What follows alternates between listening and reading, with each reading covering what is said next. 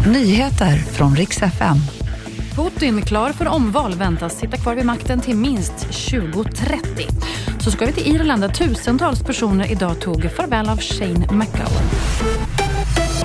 Vi ska börja med en stor polisinsats som pågår nu på eftermiddagen i Sätra. Det här är i södra Stockholm. Polisen larmades på eftermiddagen om en misstänkt skottlossning. På plats har man också hittat en man i 25-årsåldern som är skottskadad. Ännu är ingen person frihetsberövad.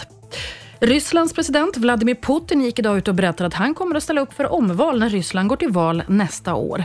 Det här beskedet gör att han troligen sitter kvar vid makten till minst 2030. Många ser nämligen valet som ren formalitet. Bland annat Reuters skriver att med stöd av både staten och statliga medier och i ett samhälle där ingen vågar utmana honom så är han nästan garanterad att vinna.